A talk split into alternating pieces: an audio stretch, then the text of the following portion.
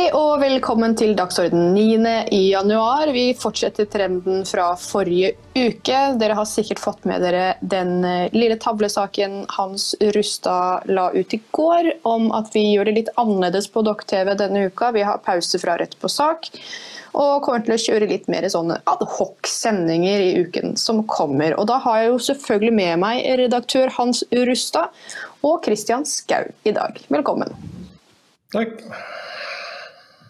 Det blir jo litt på sparket dette her, gutter, men det skjer jo veldig veldig, veldig mye hele tiden, som du sier, Hans. Og eh, vi fikk jo da denne stormingen i Brasil over oss i går. Eh, Hans, du har fulgt med på hva som har skjedd der. Kan ikke du fortelle litt eh, hva som egentlig har foregått? Fordi regimemediene rapporterer jo ikke akkurat troverdig, kan man jo si. Vi fikk det første tipset fra Arnt i går kveld, husker du Christian, som sa nå blir nasjonalforsamlingen stormet, og han bor i Portugal, og det er jo mye tettere på Brasil enn, enn vi er. Og det viste seg jo å stemme. Og da er det som hele maskineriet ruller i gang, og så har vi da hørt Arnt Stefansen og denne Brasil-eksperten gjenta til det kjedsommelige at slik er Bolsonaros tilhengere. Ehm, og legg merke til, disse har adjektivet høyreorientert, høyreekstrem, men det fins ikke, eh, ikke, noe tilsvarende adjektiv for Lula. Så jeg valgte å kalle han da, eller kriminell og sosialist. Fordi begge deler er fakta. Det er jo ubestridelige fakta. ja, ja, vi vet jo det. Han er jo kriminell. Ja. Så, um, mens Bolsonaro har ikke noe sånn dom, uh, og, og, vi vet jo ikke hva slags Hvorfor kaller de han høyreorientert eller høyreekstrem? Jeg tenkte um, Arnt Stefansen, som jo er ekspert sa under valget Bols før Bolsonaro ble valgt. Jeg på å dette av stolen, for han sa hvis brasilianerne velger Bolsonaro, så har de ikke fortjent noe demokrati. Dette, ja, faktisk sa han det. Dette er holdningen til venstresiden. Og når de hvis de taper, så sier de at valget var illegitimt. Da var det Putin som rigget valget. Altså, hele samtalen begynner jo å bli absurd. Fordi de har, noen, de har noen reflekser, noen svar, som det ikke er mulig å besvare med noen rasjonelle argumenter. Og nå sier de jo da at en hel verden fordømmer volden i Brasil. Unison. Ja. Eh, og så kan vi spørre, men hva med volden i USA i, eh, i 2020? For den ble ikke fordømt. Den ble rett og slett bejublet av Nancy Pelosi og demokratene og liberale medier. Det var ingen Men du vet jo det, Hans.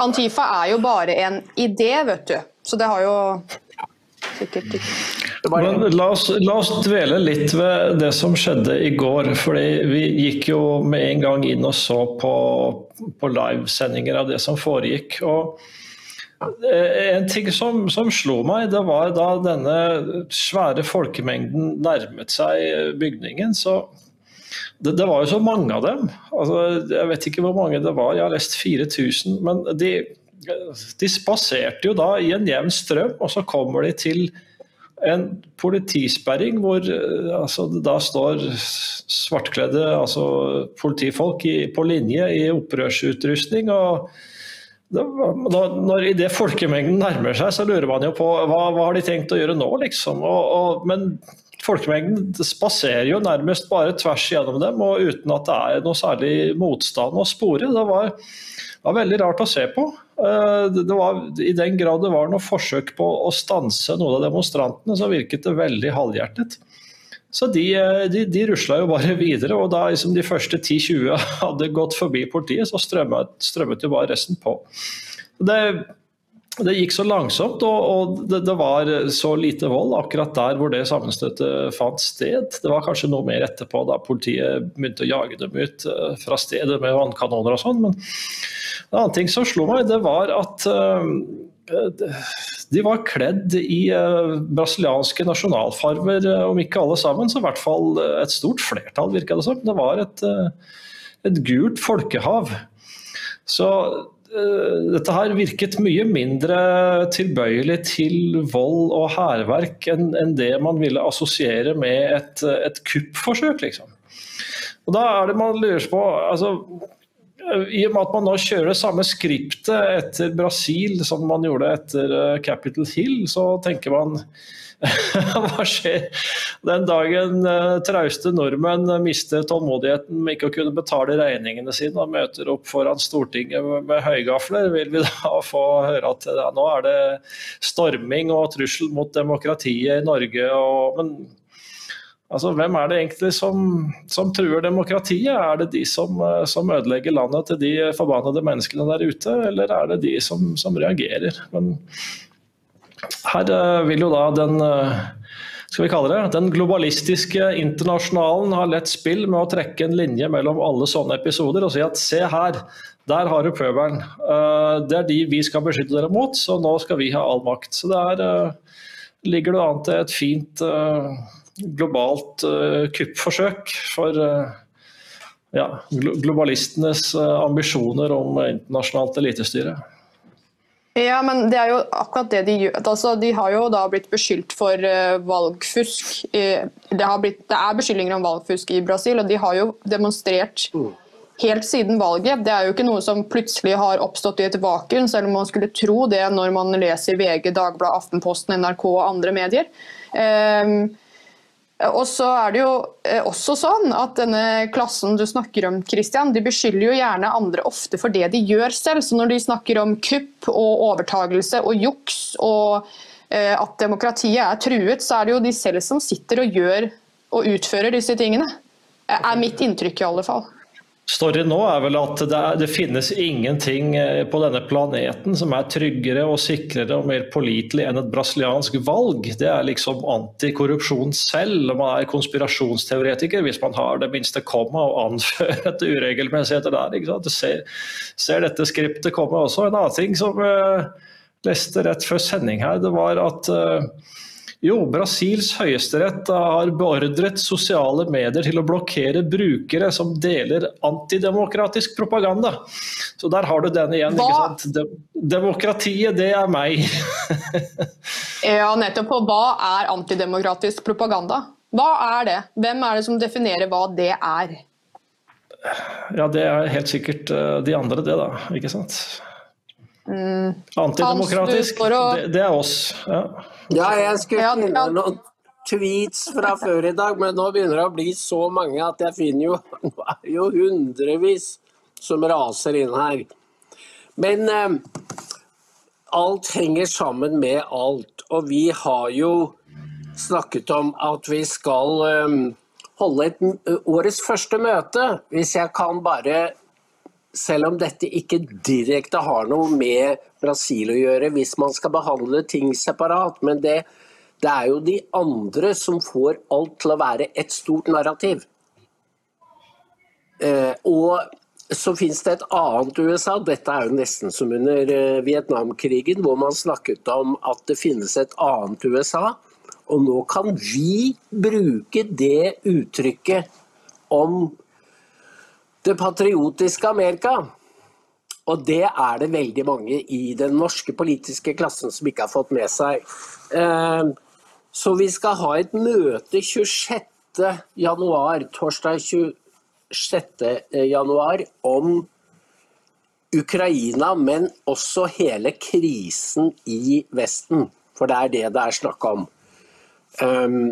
Som Jack Pasovic uh, sier, de prøver å demontere hele den judeokristne sivilisasjonen.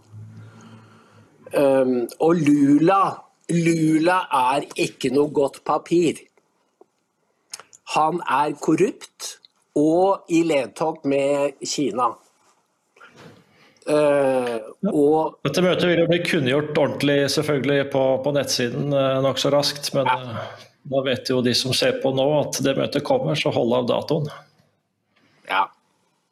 Men det har å gjøre med at etter eh, valget i 2016 så sier jo både norske og amerikanske pressefolk at nå gjelder ikke vanlige presseetiske regler lenger, for nå er det unntakstilstand.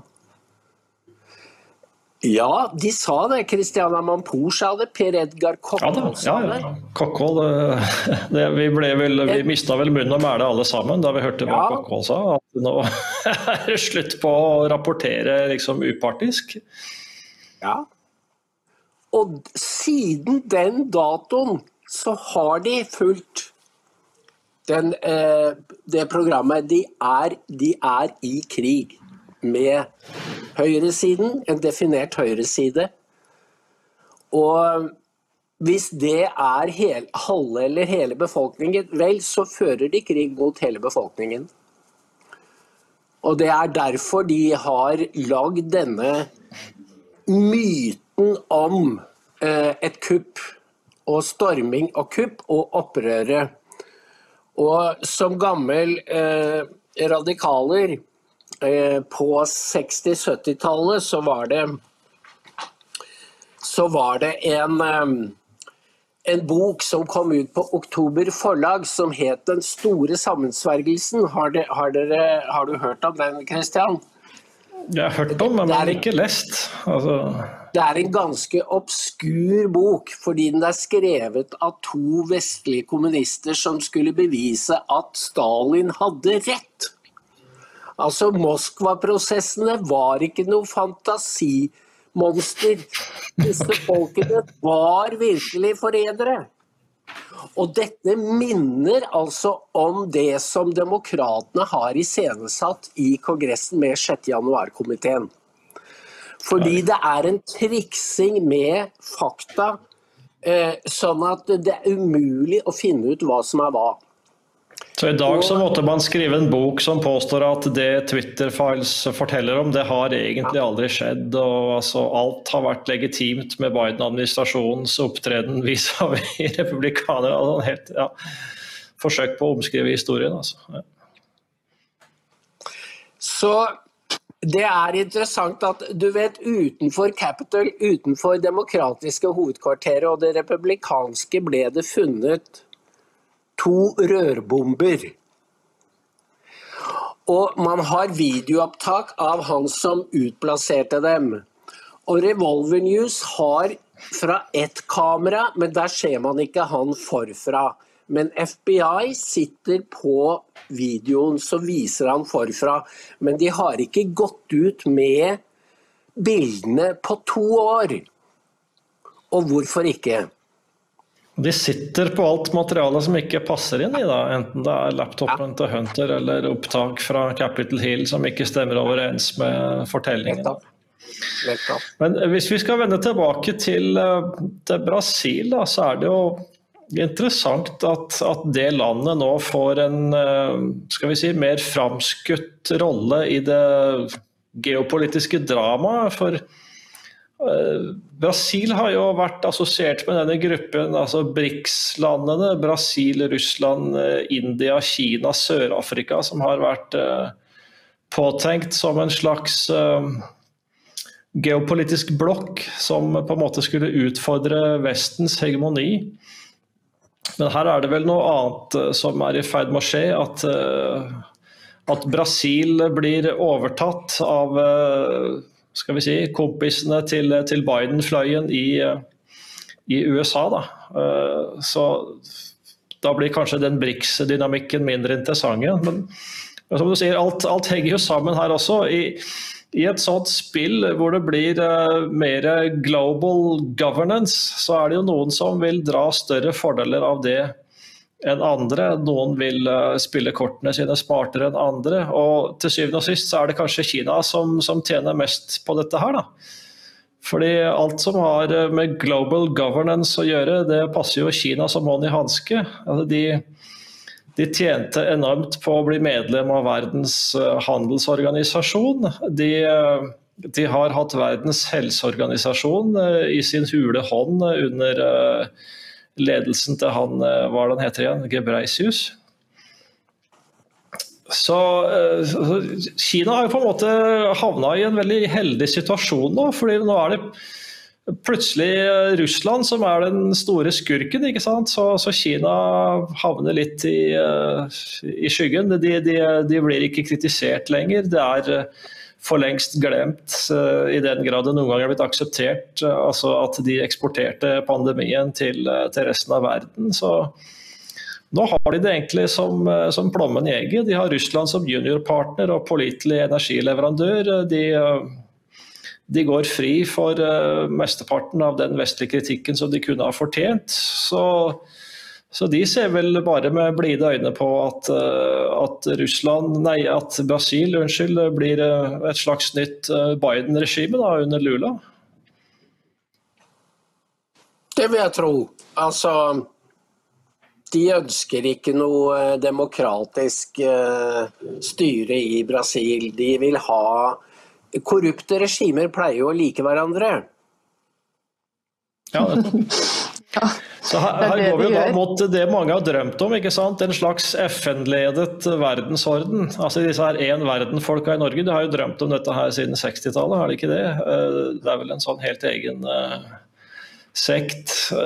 Så en verden hvor eh, stadig flere av landene på en måte outsourcer sin makt til FN og andre overnasjonale organer. Da har jo korrupte og store land som Kina har jo det som, som eh, fisken i vannet, egentlig. For de kan jo da bare smøre så mange stater som de trenger for å kjøpe seg innflytelse. Så på den annen side så vil du ha nasjonalstater som vil stritte mot dette. her. Da. Altså, eh, et land som Israel eller Sveits eller India f.eks. De, de vil jo helt sikkert eh, ønske å ta sine beslutninger på selvstendig grunnlag uten å måtte bøye seg for noe globalt overherredømme. Så det er jo ikke Det blir ikke nødvendigvis noe walkover, dette her, da. Nei, men nå er det jo godt på vei. da. Vi vet jo at World Economic Forum svermer for eh, Kina. De det var vel du som skrev den saken hans, at de kutta ut Twitter og hadde gått over til kinesiske sosiale medieplattformer eh, etter Elon Musk kjøpte opp Twitter og begynte å gi ut Twitter-files. De har også lagt sin elsk på Alibaba, som, eh, som jeg mener, eh, meg hvis jeg tar feil, la fram forslag til nye social scorecards da, med karbonavtrykk osv. på Det var vel forrige, forrige møte de hadde, og nå er det vel bare eh, seks dager igjen til neste mafiamøte i Davos. Eh, så de, de, svermer jo for Kina, World Economic Forum, og det gjør jo for så vidt også Verdens helseorganisasjon, hvis vi skal se tilbake på 2020 og hvordan de håndterte eh, viruset og Kina eh, all together, så tok jo Verdens helseorganisasjon Kina i forsvar og serverte løgn etter løgn etter løgn etter løgn på vegne av Kina. Og nå, jo, nå går jo Verdens helseorganisasjon inn for uh, nytt hva skal man si, power grab. De, de skal oppfylle denne våte drømmen om globalt overherredømme med den nye pandemitraktaten og de nye hva, jeg vet ikke hva det oversettes til, amendments, nye reglene sine. De tar jo bort at ting er frivillig, det skal bli tvang. Og de skal kunne overstyre nasjonene. Så her er det mange ting som skjer eh, samtidig, parallelt. Da venter vi bare på at det kommer noe tilsvarende på, på klimafeltet, hvor du skal få overnasjonal styring. Altså nå, nei, nå kan du ikke fyre med ved i ovnen lenger, eller et eller annet sånt. Det er bare å se frem til. Ja, det er bare spørsmål om tid, det. Det nye aristokratiet har jo eh, dårlig tid. Altså, De føler jo at, verden, uh, at jorda brenner under føttene på dem. Og de har satt i gang et så stort spill at jeg tror ikke det er noen Det sitter ikke noen og kontrollerer det ett sted. Det er mange ting som skjer på en gang. Men jeg vil spørre dere og, og man kan undre seg, fordi i går så var det Jeg så i Berlingske de skrev altså Elon Musk hadde vært på et arrangement i San Francisco med 18 000 mennesker. Og så står det og guess what? Elon Musk kom ut for å ta imot hyllesten som en annen bokser. Og så begynte folk å bue. Ja vel, jeg gikk på Og dette var sammen med han komikeren David Chapell, som jo er politisk ukorrekt. Men det spesielle er at samme historie går sin eh, gang fra Berlingske til norske medier til CNN. De har Det er altså som i det gamle Sovjet. Det er samme story, samme talking points over hele fjøla. Ja, det så du i går kveld også, ikke sant? Da, da, da, da disse tingene skjedde i Brasil. At du hadde, i hvert fall i de alle europeiske mediene, på alle de språkene jeg skjønner, så var det altså helt identiske uh, formuleringer uh, på de avgjørende punktene. Det. er nettopp det. det er uh, Og de stiller, ikke de stiller jo ikke kritiske spørsmål. Nemlig kunne de være infiltrert så fordi hvem hadde interesse av at de begynte å ødelegge Høyesterett? Ja, jeg ser I dag så er det noen som har uh, tenkt i disse baner. Det er uh, BBCs uh, Sao Paulo-korrespondent Katie Watson som nå har skrevet for ganske kort tid siden at at kanskje Bolsonaro har ganske mange tilhengere i politiet og hæren, altså militære styrker. sånn at hvis du setter dem til å å, å, vokte, så har de kanskje ikke noe lyst til å gå, på, gå til angrep mot, de som, mot denne folkemengden. Altså, hvis, så kanskje, kanskje, de som sto og beskytta kongressbygningen i Brasilia, egentlig sympatiserte med demonstrantene. Altså, eller i hvert fall mange av dem. Da. Og det, det er jo interessant. I Latin-Amerika, som har da en viss tradisjon for uh, militære kupp og militærstyre og sånn, hva, hva skal vi egentlig uh, tro om hvor, uh, hvor hæren i Brasil står, da? Kan, man, kan, man, tenke seg noen kuppsituasjon der? Det er ikke godt å si. I hvert fall for oss som ikke følger Brasil sånn til daglig og ikke forstår portugisisk, så er dette vanskelig å, å følge med på. Men jeg så en tweet i går som minte meg veldig mye om Trump og Biden, eh, eh, altså valgkampen nå sist. Det var da et bilde Bolsonaro tusen på tusener på tusener med støttespillere som har møtt opp. Og så er det da Lula med nesten ingen, akkurat som å se Biden med de små sirklene sine i sånn folkeoppmøte for støtte. Altså, og så står det da hvor mange stemmer begge to har fått under. og Det illustrerer det egentlig veldig pent. og Da kan man jo det stille det spørsmålet som du stiller, Christian. Har, har Bolsonaro støtte i militær og politi? Ja, hvis det er så store forskjeller på folkemengdene til de to, så vil jeg nok helle mot det, kanskje. Men kanskje ikke i uh, de øverste offiserenes sirkler, da. Det, det, det, kan jo være. Det, jo, det mm. trenger ikke å være noe altså, det, Obama begynte utskiftingen av generaler i USA. Han ville ha et lojalt uh, korps av øverstbefalende som var eh, politisk korrekt og gjorde som han ville. Og det samme, mens, mens går du lenger ned, så finner du jo eh, helt andre holdninger. Og det samme gjelder jo i, i, i Brasil. Sånn er det vel i Norge også, er det ikke det? da? At uh, mange politifolk og militære i de lavere rekker de er uh, liksom mer konservative patrioter, mens i alle de uh, highest ranks så er det bare woke mennesker som gjelder. Ja, ja. Og da er spørsmålet når når du et Fins det noe breaking point her hvor de som er nedenunder sine, de skyter på våre egne borgere. Vi, vi støtter dem. Det er jo skrekkscenarioet for eh, den globale eliten. At de ikke kan stole på egne, sitt eget voldsapparat. Ja, men altså, hva ville skjedd da hvis, hvis de hadde begynt å skyte på demonstrantene i Brasilia i går? Da kunne de jo altså, Det, det ville jo kanskje ha banet veien for revolusjonen i dag. Ikke godt å si. Så det var taktisk spart av dem å bare bruke vannkanoner og tåregass. Ja, altså I USA har jo Biden-regimet eh, lagd en slags kult rundt alle politifolkene som ble drept eh, 6.1. Og det var jo ingen. Det var jo ingen politifolk som ble drept. Så derfor har de lagd en kult rundt sier nå at det var fem stykker drept. Og dette er jo Det er både litt farse også veldig alvorlig, fordi de gjorde jo dette. Eh, de hadde De la disse han som ble drept eh, av han eh, før 9.11. Han ble jo lagt på i Feltherrenhallet. Og så var det veldig defering forbi. og Den samme måten gjorde de med Brian Sicknick inne i Kongressen. Det var helt lide parad. Og så hadde han ikke blitt drept av en brannapparat. Han døde dagen etter av uh, slag.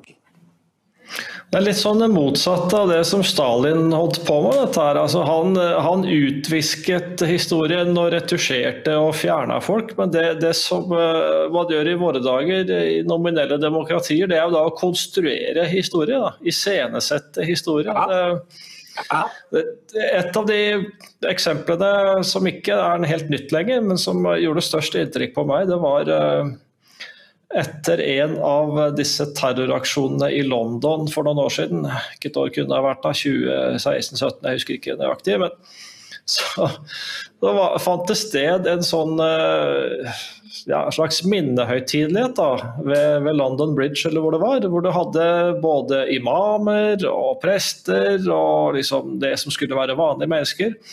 Men så kom det frem, jeg husker ikke hvor, men at dette her var jo bare noe som det britiske innenriksdepartementet hadde iscenesatt. De hadde jo da beredskapsplaner for hvordan de skulle, skulle opptre etter et islamistisk terrorangrep, bare for å kunne helle øh, olje på bølgene, sånn at, at folk ikke skulle bli forbanna. Så da bare kjørte de et helt skuespill med at det egentlig var harmoni mellom kristne og muslimer, og nå ber vi sammen, og ja, dette her har selvfølgelig ikke noe med islam å gjøre så det, dette her er jo da noe som eh, åpenbart både britisk og amerikansk eh, og kanskje også brasiliansk sikkerhetsapparat da, behersker til fingerspissene.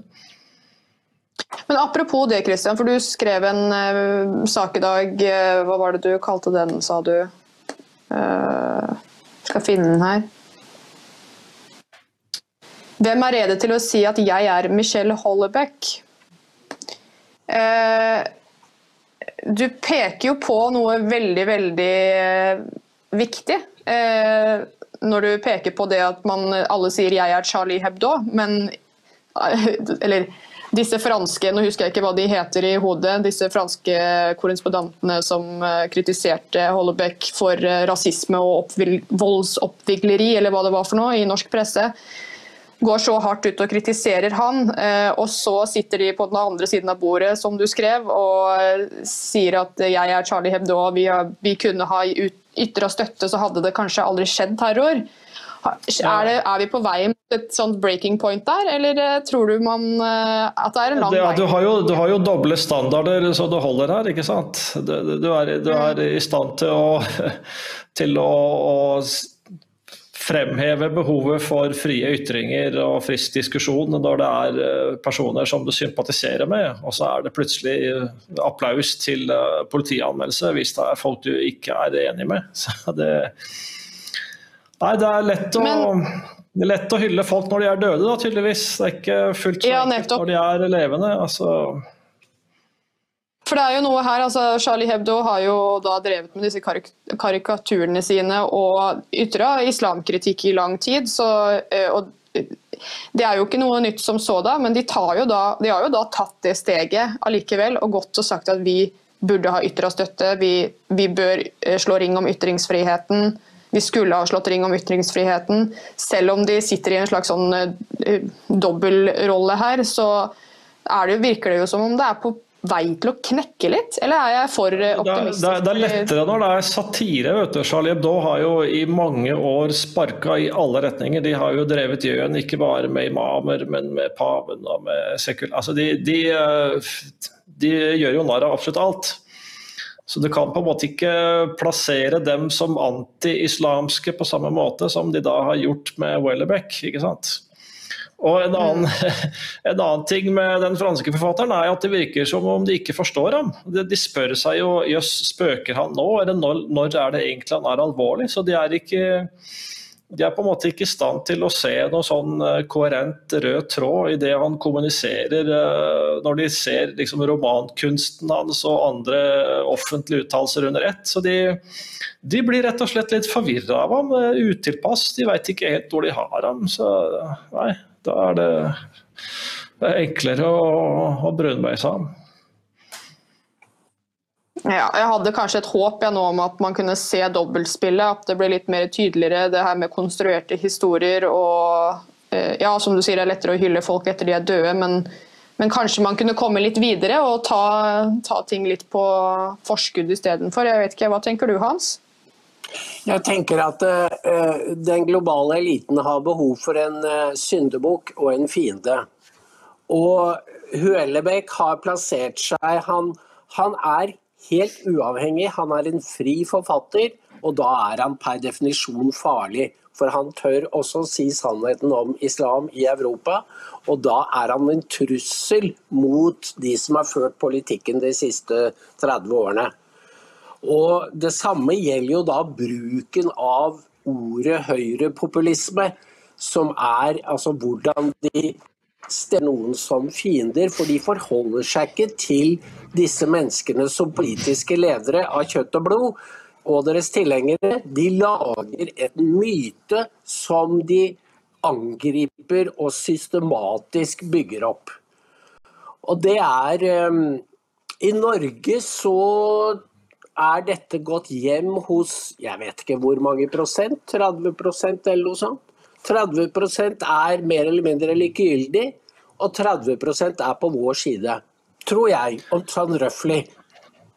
I den nye offentligheten så, så, finnes det ikke lenger eh, skal vi si, frie, normale, utvungne relasjoner mellom uavhengige personer med forskjellige oppfatninger. Alt blir enten et sånn herre-slave-forhold, eller så blir det et eh, klient-tjener-forhold. Altså det derre med egalitære relasjoner mellom frie mennesker som er uenige eh, og som diskuterer fritt eh, uten at man vet hva utfallet blir, det er, det er, borte. Alt skal bare være regi, og du gjør deg da enten til, til prostituert for noen som er mektigere enn deg, eller så ja, er du lenger oppe i den næringskjeden der. Da. Dette er jo fryktelig langt fra det som er uh, demokratiets idealer, da, hvor vi liksom er uh, ja, søsken som samfunnsborgere, og alle har lojalitet til uh, noe større som man er sammen om. Det der er jo, det er jo helt borte, ikke sant.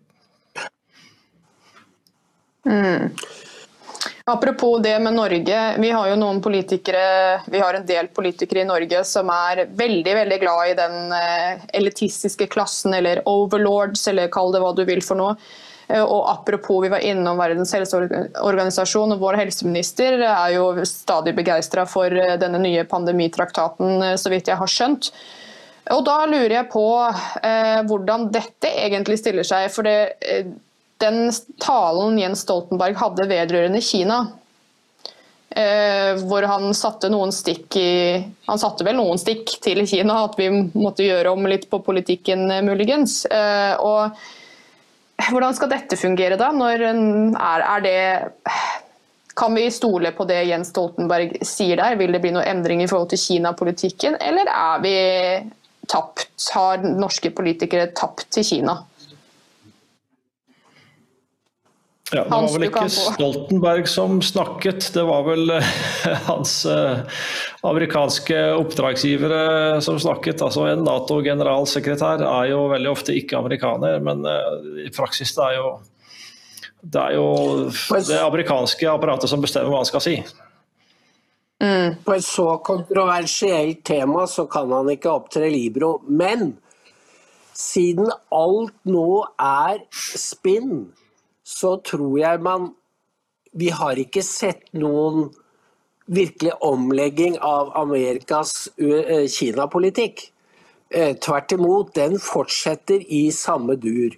Og da kan man jo spørre var Stoltenbergs utspill om Kina um, en slags uh, Altså noe han sa for å skjule at det fortsetter som før.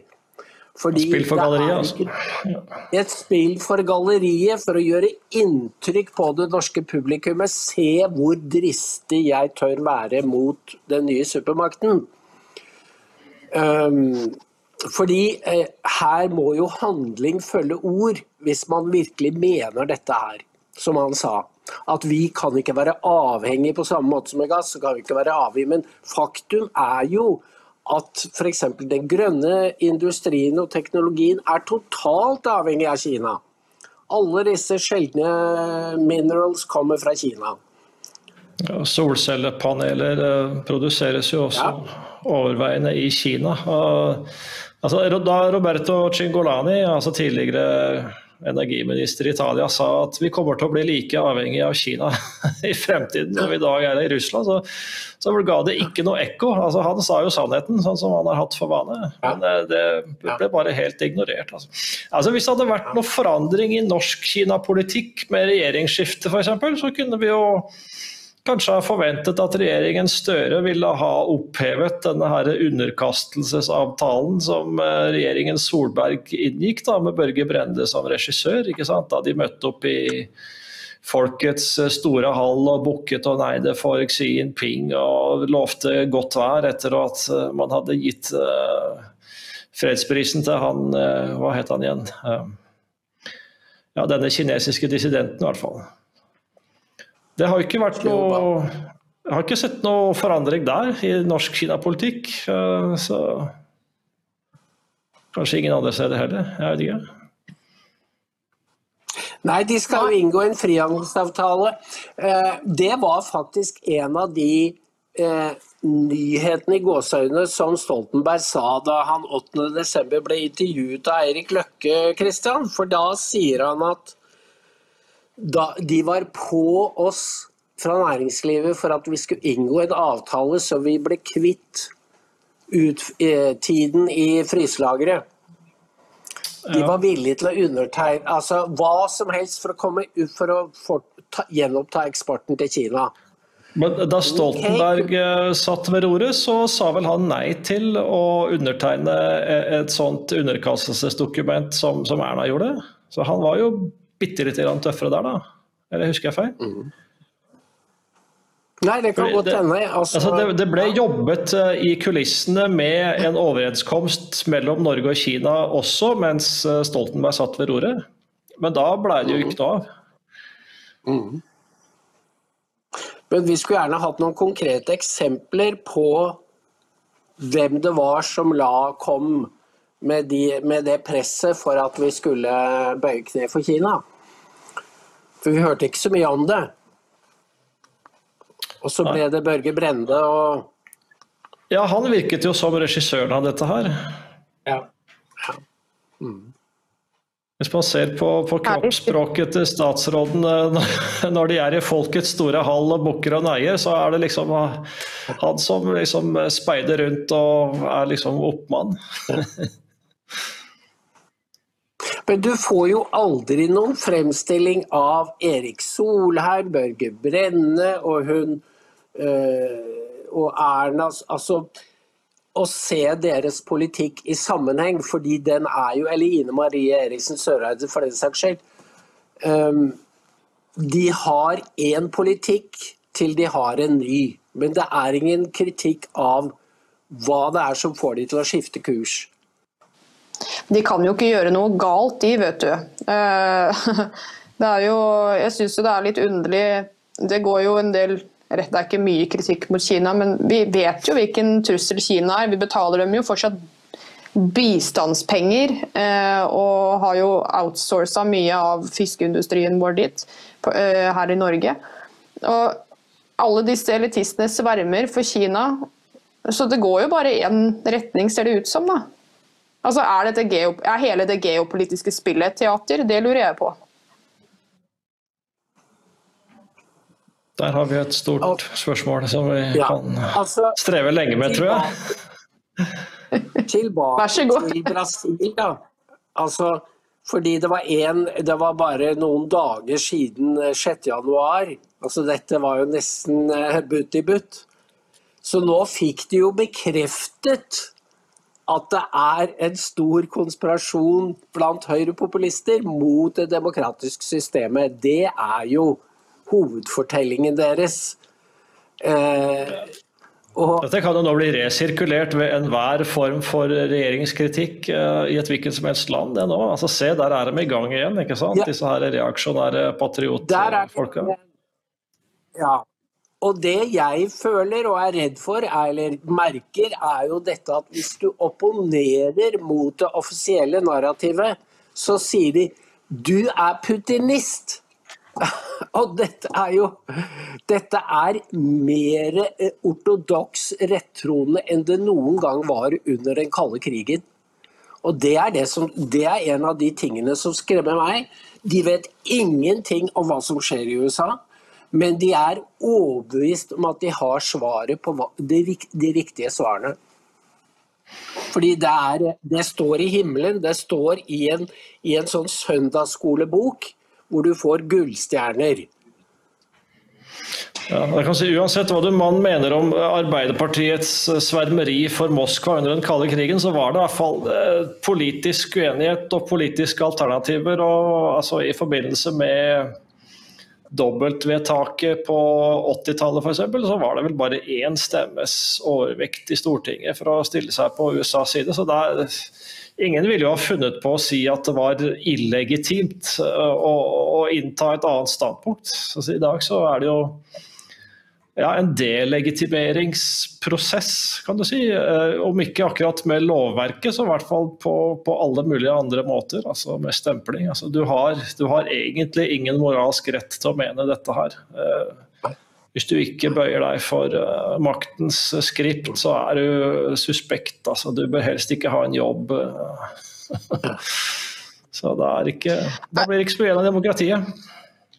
Apropos myter, fikk dere med dere denne eh, Fritt ord-konkurransen? Har dere lest om den? Eh, Konspirasjoner, eh, eller konspirasjonsteorier. Eh, Og da har de altså gjennomført den store konspirasjonsdagen i klasserommet ved hjelp av undervisningsopplegg, videoforedrag, artikler og egen analyse. To år har gått siden kongressbygningen i Washington ble stormet av demonstranter 6.1.2021. Fem mennesker døde, mange ble skadet, og verden ble sjokkert vitne til dette angrepet på amerikansk demokrati. Og så står det jo selvfølgelig mye mer her, men Eh, Da har de altså en hel rekke sånne ruter nedover her hvor det står hva er problemet. Konspirasjonsteorier gir alternative forklaringer på hva som skjer osv. osv. osv. Og at historien, ja, historiens løgner, historien byr på mange konspirasjonsteorier, og noen av dem har utviklet seg over lang tid osv. Og dette er fritt ord i Norge, og dette er myntet altså på vår ungdom. Kjære seer. Hvis alle 5000 seerne som ser på vippser 10 kroner, sikrer dere Dokk-TV-budsjettet i en halv måned. Om alle 5000 seerne vippser 20 kroner, sikrer dere Dokk-TV i én måned. Så lenge vi jobber sammen og alle bidrar, om så bare litt, så kommer vi en lang vei.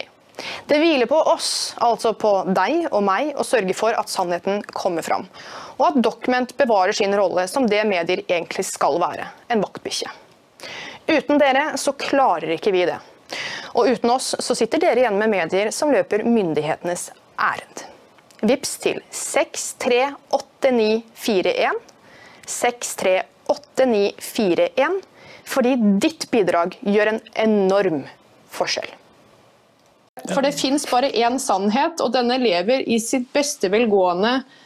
Hvordan eh, Altså, ordet, altså, organisasjonsnavnet Fritt Ord er jo etter hvert blitt en slags stående vits. Det er omtrent som dette tidsskriftet Fri tanke til Human-Etisk Forbund. Altså, du, det er alt annet enn fritt, både i ord og tanke. ikke sant? Men eh, altså, politisering av den norske skolen er jo ikke noe nytt. Dette her har jo sett eksempler på, i hvert fall så lenge jeg kan huske. Uh, altså Det der latterlige Operasjon Dagsverk er jo et godt eksempel. Men her er jo et, uh, et spesielt graverende eksempel. Da, kan du si. Det er jo forsøk på å hjernevaske skolebarn til å ikke sette noe spørsmålstegn ved det som er uh, maktens offisielle oppfatning om en sak. Men det, Mm. dette her forsterker ja. Det er på et nytt nivå.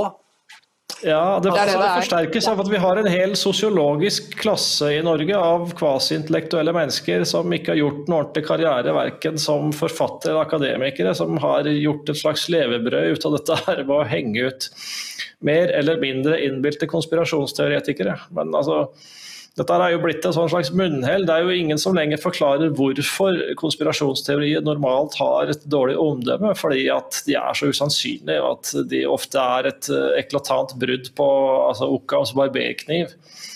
Du, du lager en forklaring som er så komplisert at den reiser eh, innvendinger som hvis du forsøker å besvare dem, så kommer det fram til absurditeter. ikke sant? At, at noen skulle ha fylt World Trade Center i New York med, med masse sprengstoff, og at det ble utløst akkurat den dagen de var ute og fløy. Altså, det er sånn Hvis man sidestiller det med, med påstander om, eh, om valgfusk f.eks., så er det jo helt eh, hinsides enhver fornuft. Men uh, dette er jo da blitt en slags uh, lekegrind for uh, en hel hær av kvasintellektuelle mennesker i det norske arbeidsfrie arbeidslivet, da, for å låne et uttrykk fra Jon Hustad.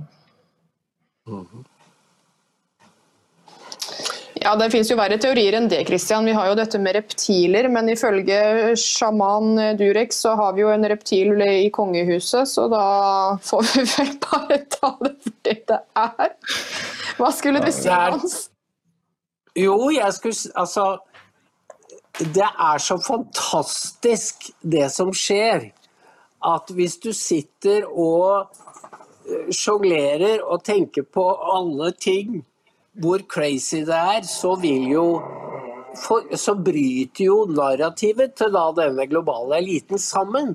Fordi de selv lager ting som er så crazy. Og det er jo det det er jo derfor de har gått helt i fistel på Elon Musk. Fordi jeg kan bare plukke opp telefonen, så raser det inn meldinger som er fulle av humor, og tar rotta på dem. Etter tur.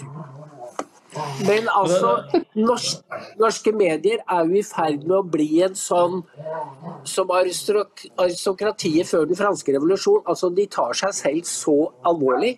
Og de klarer ikke le av Meghan, Meghan Markle og Harry eller noe som helst.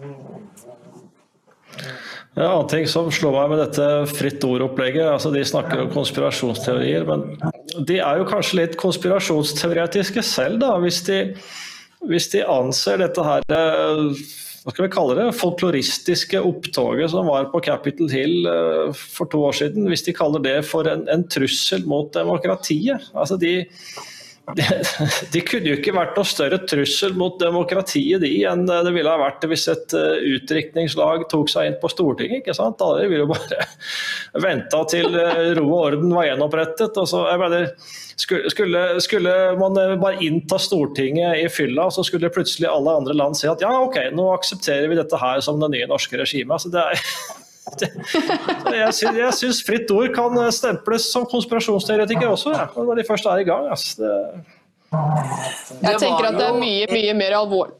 Ja, Hans, vær så god. Jeg tenker at eh, Knut Olav Åmås, da, som er direktør for Fritt Ord, han har jo gjennomgått en, en radikalisering eh, over flere år. Eh, hvor, han, hvor du ser en tydelig tendens i retning eh, venstre og woke. Og det var jo et tegn da i tiden Jeg har vært på noen av seminarene hans i, i gamle dager. For han elsket sånn New York-intellektuelle, New York Review of Books osv. Men nå holdt han et seminar i samarbeid med Soros. Og jeg tenker at det er ikke tilfeldig. Det er ikke tilfeldig. Det er, nei, det er ikke tilfeldig. Og i Norge begynner vi å få en sånn ring hvor alt griper hverandre i halen. Hvor medier, politikere, akademia, NGO-er Alt er koblet sammen. Og um, der skal du ikke opponere. Det er, det er maktas fortelling som rår. Og du, du, får jo snart heller ikke noen annen kultur i Norge heller, vet du. Fordi at uh, altså, Hva kunne vært en, en, konkurrerende kultur til dette her, da? Eh, industrikulturen. Altså folk som, uh, som, tjener penger, som driver næringsliv. De skal, de skal skvises med høye strømpriser, ikke sant. Du skal, enten så skal du være en del av maktapparatet, eller så skal du være underkastet, altså trygdet. Det er ikke noe, det er ikke noe sånn mellomting. Den, normaliteten er opphørt. Var det, det, var jo det jeg skulle til å si til deg, eller svare på det du sa, Christian. At eh, hvis det er noen som er en trussel mot eh, demokratiet, så er det vel kanskje fritt ord for at man ikke får eh, ha et fritt ord. Noe som egentlig skulle være deres oppgave å sørge for at vi har. men ja, du har rett i det, Hans og, og Christian, at vi har jo ikke noe alternativ klasse. De som skulle altså, ha forvaltet demokratiet, er de største truslene mot det. Det er ikke noe tvil om. Ja, helt riktig. Mm. Men gutter, gutter, nå har vi det... holdt på en stund. Ja. Det, det, var kanskje et antistatlig utsagn, dette her, da. Jeg vet ikke. det er opp til seerne å bevare demokratiet. Fordi de yes. som er øvrigheta, de kommer ikke til å gjøre noe for det. Vi har i praksis fått en ny konventikkelplakat, så det, jeg kan ikke nok understreke hvor viktig det er at vi må bevare en åpen og fri diskusjon. Og Derfor er det vi skal ha dette møtet den 26., hvor bl.a. Christian og Hanne kommer. Hvor, fordi det er en del Vi manøvrerer i et farvann med skjær, undervannsskjær og åpne skjær. Men vi tar da en åpen diskusjon og legger frem et syn som er bygger på historisk erfaring i de siste 30-40 år. Og hvordan har vi havnet der vi er i dag, hvor, hvor vi er uten motforestillinger? Og jeg føler at vi treffer tidsånden ved å si det vi gjør. Eh, nemlig at eh, folk er redde for å komme i krig med Russland. Mm. Og det skal vi ta opp da på dette møtet og belyse fra mange forskjellige vinkler forhåpentligvis. Så følg med i neste episode. Ja, følg med i neste episode. Det er litt av en tid å være i live på. Helt fantastisk eh, tid, egentlig, hvis man tenker seg om. Og her har man muligheten til å virkelig gjøre sitt bidrag eh, for historien. Og så vil jeg også minne dere alle sammen som ser og som hører på via eh, pod, Spotify eller pod ja, cloud, eh, så eh, tar vi gjerne imot VIPS på 63 89 41. Må ikke glemme å støtte oss. Deres støtte er veldig viktig for at vi kan fortsette det arbeidet vi gjør. Og så vil det komme ut en sak med billettsalg til møtet som skal være 26.1. Det var det du sa, Hans. 26.1. Yes. Yes. Yeah. yes. Ok, da sier vi takk for i dag, og så på gjensyn i morgen. Takk for nå. Takk for nå.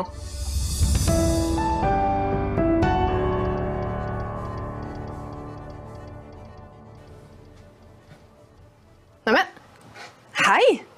Har du også antistatlige holdninger? Ja, da har du kommet til rett sted. Da er Dokk-TV noe for deg.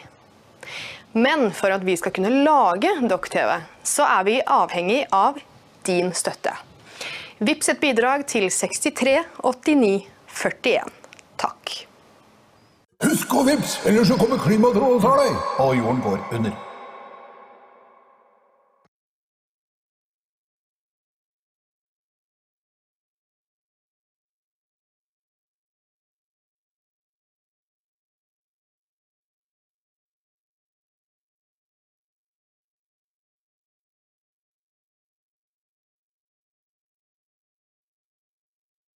Dette blei langt.